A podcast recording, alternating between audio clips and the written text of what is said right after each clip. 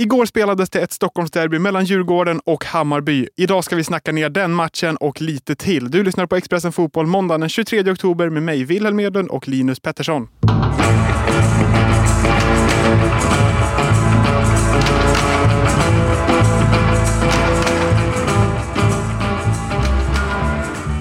Linus Besara sammanfattade det här rätt bra.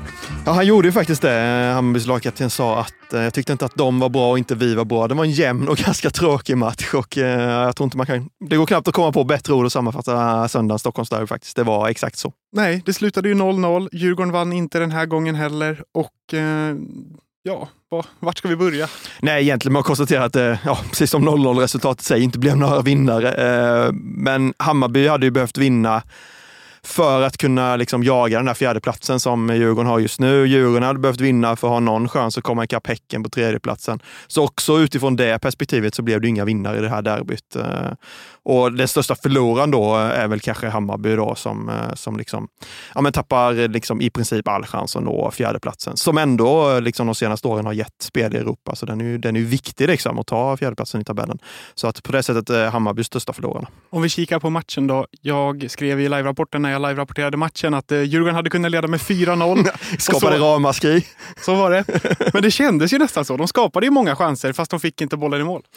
Ja, framförallt i första halvlek. Ja, framförallt i första halvlek var de väl det klart bättre laget och Lukas Bergvall, eh, en av matchens bästa spelare, hade ju två fina lägen i alla fall i första halvlek. Eh, ett som han verkligen ett avslut från ganska nära håll som han, han borde förvaltat bättre. Det sa han själv efter matchen också, att det ska jag sätta. Det suger hårt eller vad nu sa ja. att han inte satt det. Så att man förstår, han var ju besviken. Ja, och då i andra halvlek hade ju Radetinac något skott strax utanför. Det var väl egentligen den bästa chansen där. Hammarby hade ju noll skott på mål i den här matchen, vilket är helt otroligt med tanke på det läget de är i och vad de behövde göra av den här matchen.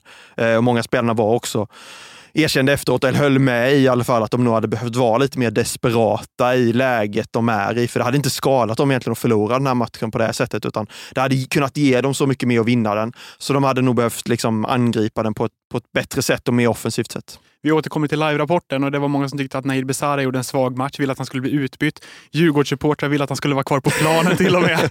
vad, vad, tycker du om hans insats? Jag tycker rent generellt att Nahir Besara har fått alldeles för mycket skit den här säsongen. Uh, vi vet hur bra han var förra säsongen, öste in poäng. Jag tror det var strax över 20 poäng då uh, den säsongen. Han är nästan uppe i de siffrorna nu också. Inte riktigt, men jag tycker man ofta glömmer bort den poängskörden och hur stor skillnad han faktiskt har gjort för Hammarby den här säsongen. Och framförallt i många av derbyna de senaste åren har han klivit fram och spelat avgörande matchvinst i våras mot Djurgården. Han gjorde två mål och två assist till exempel. Så att, ja, han kanske inte gjorde sin bästa match igår, men jag tycker att han genomgående fått alldeles för mycket kritik. Jan Andersson har ju fått lite kritik för att han bytte ut Alexander Isak lite för tidigt för att han är en sån spelare som kan förändra matchen oavsett om han är trött eller så. Är Nahir Besara lite samma sak? Att ja. Oavsett om han inte har varit bra i 90 minuter så är han, han har tillräckligt mycket kvalitet för att liksom bara knäppa ja, med fingrarna absolut, och göra vad han vill. Absolut, vi har ju sett honom skruva in frisparkar till exempel. Vi har sett honom klacka in mål, vi har sett honom chippa in straffar. Han är ju den där typen av spelare som dels på egen hand kan göra, göra avgörande mål, men också sätta upp andra i lägen. Så att jag tycker att det hade varit hål i huvudet att byta ut honom i derbyt igår. Eh, ja, absolut att det finns alternativ på bänken. En sån som August Mikkelsen kom till exempel inte in igår. Men, men jag tycker det är helt rätt att ha kvar Naib Besara på planet så länge det bara går. Han fick ju också bollen på handen i samband med ett eh, inlägg och eh, Danielsson eh, berättade efteråt att domare Alla Kim hade kommit fram till honom i halvtid och erkänt att det där skulle vara straff. Ja, Nahir Besara sa att han hade också stått och lyssnat på det där och hört Alla Kim säga det där. Alla Kim ville ju inte stanna till, föga förvånande, i den mixade zonen efteråt och, och kommentera det. Men Ja, men du var inne lite på det innan vi började här, att det är ganska konstigt att man säger en sån sak i paus. Liksom mitt under en match så erkänner man ett sånt stort och avgörande misstag. Jag håller helt med dig där. Det, och jag förstår inte riktigt vad det gör för gott heller eh, vidare in i matchen. Eh, ska han då på något sätt kompensera det i andra halvlek? Det funkar ju liksom inte. Utan, eh, nej, väldigt konstigt. Ta det efter matchen i så fall, när liksom känslorna har lagt sig och man ja, inte kan påverka någonting av det. Nu är ju inte jag en adrenalinstinn fotbollsspelare, men jag har svårt att se också att man blir lugnare i den situationen när man får höra från domaren att ni skulle ha straff. Ja, man blir ännu mer frustrerad. Bara. Då blir man ju ännu mer upprörd. Bara, men varför, varför såg du den inte då? Liksom, om du har redan nu hunnit kolla på bilder. Så, äh, jätte, jättekonstigt. Jag vet inte hur vanligt det där är att domarna erkänner sina misstag så här mitt under matchen. Men jag tyckte det var, jag reagerade också på det, att det var väldigt konstigt. Och eh, jag sa det här när vi snackade om matchen att Djurgården vann inte den här gången heller. Och du hade kikat på deras derbyfacit de senaste nio åren och det är bara fem segrar. Fem segrar på 36 derbyn fick vi det då till. Va? Det, är, och det är ju faktiskt smått otroligt när man tänker på det. Eh, faktiskt att de har varit så extremt dåliga i matcherna mot, ja vi har räknat in då Hammarby och AIK såklart. Eh, eh, inte tagit med BP i ekvationen, men, men sen Hammarby tog sig upp till allsvenskan då för ja, lite mer än tio år sedan. Så eller runt tio år sedan är det väl nu, så, så har Djurgården haft ett extremt dåligt derbyfacit. Och man kan kolla på derbytabellen då, som vi gjorde efter matchen igår. Den vann ju Hammarby i år då, tack vare poängen de tog igår eh, på sju poäng där. Djurgården har inte vunnit den en enda gång på de här eh, åren sedan Hammarby togs upp i allsvenskan. Och det är faktiskt eh, lite smått chockerande när jag såg de där siffrorna faktiskt. Ja, det får man verkligen säga. De har inte varit ett dåligt fotbollslag. Nej, de, de, har ju vunnit SM-guld och varit ute i Europa och det har varit både det ena och det andra. Men verkligen haft svårt i, i derbyna. Och det, ja, det, ja, ingen, det, jag tror det är omöjligt att hitta någon form av förklaring till det. Men, men siffrorna finns där och det är klart att det är ett problem de har och som de behöver göra någonting åt. För de här, ja men det är ju vanliga fall toppkonkurrenter de möter och kanske de viktigaste matcherna på året. Så att, ja, där behöver någonting hända för Djurgården. De har i år ett derbyfacit på en vinst, en oavgjord och två förluster. Och när, Magnus Eriksson fick det i ansiktet i mixade zonen igår så sa han att eh, det är såklart tråkigt. Vi vill vinna alla matcher. Vi vill ha 4-0-0. Och sen så sa han lite skämtsamt att det är taskigt att ni har utelämnat matcherna mot BP. ja, för där kanske det ser bättre ut. Ja, vi, får göra en, vi får göra en ny uträkning på de matcherna också. Men, nej, men sen om man, om man ska liksom bortse från det där så är det klart att det är viktigare att sluta högre upp i tabellen och alla de sakerna. Och det kommer ju Djurgården lyckas med i år eh, med största sannolikhet. Så det är klart att de, jag tror i alla fall i, i grunden att de flesta Djurgårdare tar, tar en högre tabellposition snarare än att, än att de vinner derbytabellen. Men det är klart att de här matcherna påverkar ju så mycket och det, det, står så mycket på spel i varje enskild derby. Så att, och när man tittar på det över tid, vad sa vi, 5 av 36, det är ju liksom, det är mindre än ett vunnet derby per säsong. Och när man lägger fram det så, så är det ju det är helt otroliga siffror och det är klart att det är en stor problematik. Välkommen till Coolbet där spänningen aldrig tar slut och underhållningen står i centrum. Här får du inte bara Sveriges bästa fotbollsodds. Du får också en spelupplevelse som är rättvis, transparent och framförallt rolig. För oss handlar det om mer än bara spel. Det handlar om att ta en paus, att våga chansa och att kanske vinna stort. Det oväntade gör varje ögonblick unikt. För dig över 18 år, stödlinjen.se.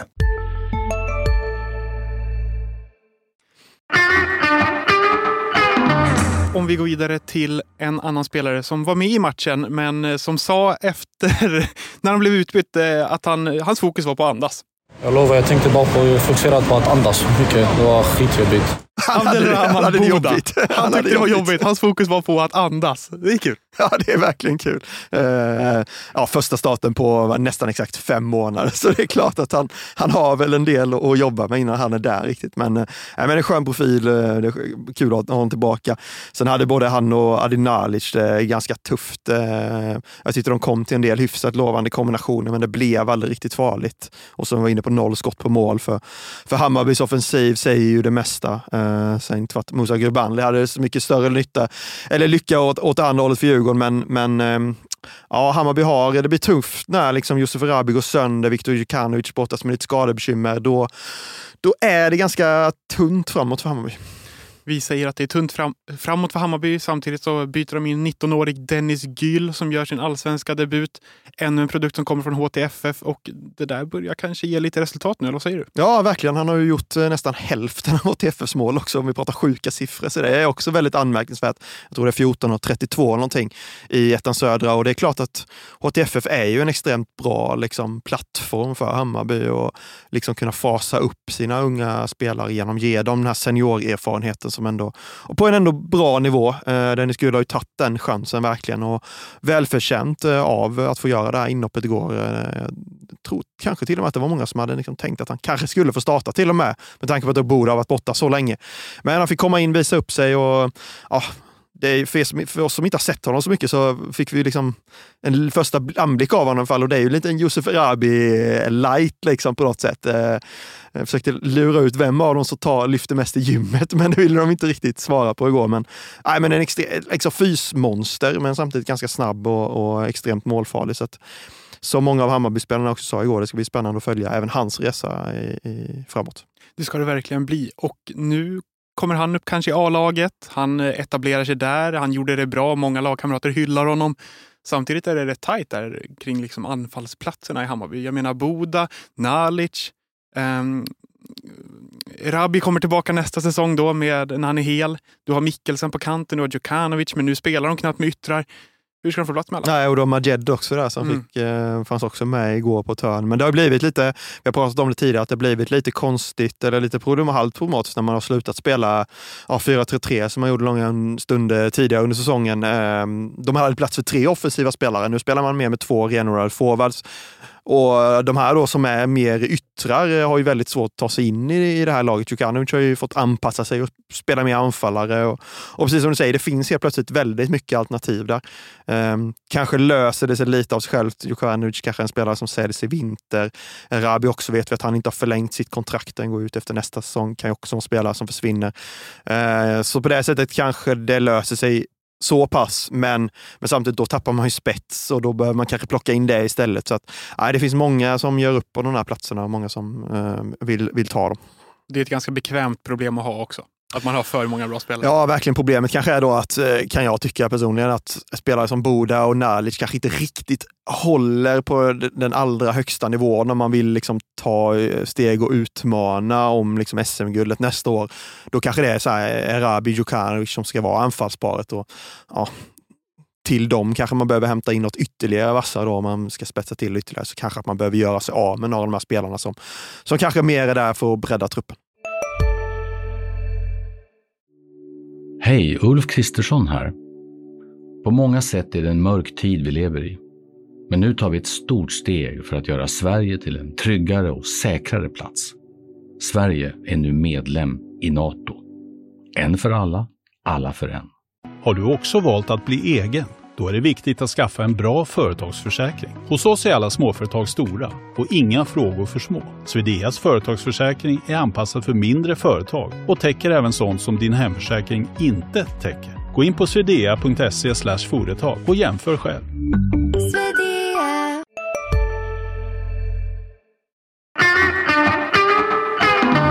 I matchen igår så var också Magnus Eriksson och Fredrik Hammar i en duell och eh, vi vet ju att när Fredrik Hammar spelar för Hammarby då blir det ofta tuffa dueller. Ja, och när Magnus Eriksson spelar för Djurgården så i derbyn så är han ju också ofta involverad någonting. Det var ju AIK-derbyt senast med Taha Jari va, som hamnade i lite, i lite dust där. Så att, Yasin Ayari säsongen innan. exakt, så att eh, Magnus Eriksson, han är inte skuldfri i det här heller. Men, nej, men det hör väl till när det är derbyn och ja, det var väl en spräckt läpp i det här fallet. Va? Ja, det var låg ribba för spräckt läpp, men eh, det sa Hammar i alla fall att det var. Magnus Eriksson tyckte inte att han hade gjort någonting fult alls. Men Hammar ville gärna visa upp den här spräckta läppen. Va, förstår jag så var det. Han vek upp läppen och visade det, men jag såg faktiskt inget. Okej, du, du Nej. närstuderade Nej, jag och hörde på konstaterade ryktesvägar att, att det gick att se, men jag såg det faktiskt inte med egna ögon. Men eh, eh, Hammar var inne på att han kommer undan gula kort, Eriksson. Och det här vill ju han mena då att det är något systemfel eller att domarna liksom bortser från att ge honom ett gult kort. Eller är det bara rutin? Jag vet inte. Vad, vad säger Nej, du? det är svårt att säga. På något sätt känns det, det är klart att har du spelat så länge så, så har du väl tjänat ihop till någon form av ytterligare respekt från domarna kanske. Det, och det kanske krävs lite mer för att du ska få ett gult kort. Vi, ja, Sebastian Larsson minns vi tidigare också, för han hade ju lite det ryktet om sig att kanske klara sig undan. Ja, det finns ju den typen av spelare. Eh, intressant då att Simon Strand klev ut i den mixade zonen och var liksom helt tvärtom. Alltså, domaren ger mig kort för allting. Han fick ju en varning där efter att han hade kommit in igår och var minst sagt lite småupprörd över den. Jag tyckte väl inte att det var någonting egentligen. Så att det finns ju lite båda sidor spelare som tycker att de blir förfördelade och, och tvärtom. Det är lätt att nämna Simon Strand och Fredrik Hammar i samma mening också. De kommer ju alltid ut tillsammans också i den mixade zonen, som att de sitter ihop de två. Eh, på, på många sätt är de ju samma fotbollsspelare. Ja, verkligen. Eh, Och det gillar man. När Fredrik Hammar också berättade om sitt gula kort så sa han att han tyckte det var tråkigt när man får ett gult kort så tidigt för då måste man ju spela på ett annat sätt. och det är väl också Han gillar inte att hålla igen Fredrik Hammar. Verkligen verkligen inte. Då inte. kan han inte spela sitt sätt när han redan är van. Nej, nej, men jag tycker han gjorde en bra match igår. Jag tycker han är en av de liksom unga spelarna, om man ska ta det lite seriöst, eh, som har tagit fina steg. Han hyllades av Cifuentes presskonferensen också. Jag tycker han gjorde en, en bra match. Och han, absolut att han är mycket den här gnuggaren och närkampsspelaren, och sådär, men han gör ju faktiskt extremt mycket nytta för Hammarby. Jag tyckte han var en av deras bästa spelare i derbyt. Om vi ska bredda blicken lite och titta på de andra allsvenska matcherna så spelade Häcken mot Norrköping. Den matchen fastnade jag mest för och kanske inte för att de vann med 4-1. Jag hade faktiskt räknat med att de skulle vinna. Men för att Momodou Lamin Sonko, 18 år gammal, gjorde tre mål och en assist på 76 spelade minuter. Ja, det är en, eh, det är en supertalang. Eh, såklart, vi, det, det blir mycket, många kritiska till att liksom det är spelarna här uppe i Stockholm och de stora lagen och talangerna där som, som lyfts fram. Men Sonko är absolut en av allsvenskans mest intressanta spelare och jag såg att vi, vi hade uppgifter igår om att han mycket väl kan säljas för, för stora summor här i vinter. Det, jag tror att sportchef Martin Eriksson sa i en intervju med oss att i, i princip alla klubbar har koll på honom där ute. Och det, ja, det är en extremt intressant spelare och, och som, som har verkligen en intressant framtid framför sig. Och de hade väl skämtat lite med honom inför matchen, eh, förstår jag det som, att han skulle göra hattrick. Så kliver han ut och gör det. Ja, extremt imponerande. En tränares dröm va? Inte att han gör hattrick utan att han lyssnar på instruktionerna. Ja, exakt. Gör hattrick, ja, absolut. Lös det. Och eh, Malmö spelade också fotboll. Otto Rosen... Rosengren gjorde mål. Ja, på tal om unga spelare. Vi har många sådana och vi fick se många av dem i, i action igår och där är ytterligare en som, som fortsätter ta steg. Och har inte spelat så eh, ordinarie sedan han kom till Malmö, men, men vi vet ju vilken, vilken potential han har och hur duktig han är. Eh, 5-0 där som sagt för Malmö och jag såg att Pontus Jansson till och med hade lite problem att räkna alla mål. Han trodde väl ett tag att de hade vunnit med 4-0. Säger väl någonting också om, om, om den matchen. Men ja, press på Elfsborg då inför eh, måndagskvällens matcher. De möter ju AIK på hemmaplan och ja, behöver vinna där för att eh, fortsatt hålla sin seriedelning. Expressen Fotboll är tillbaka imorgon och då blir det bland annat snack om just Elfsborg mot AIK. På återhörande.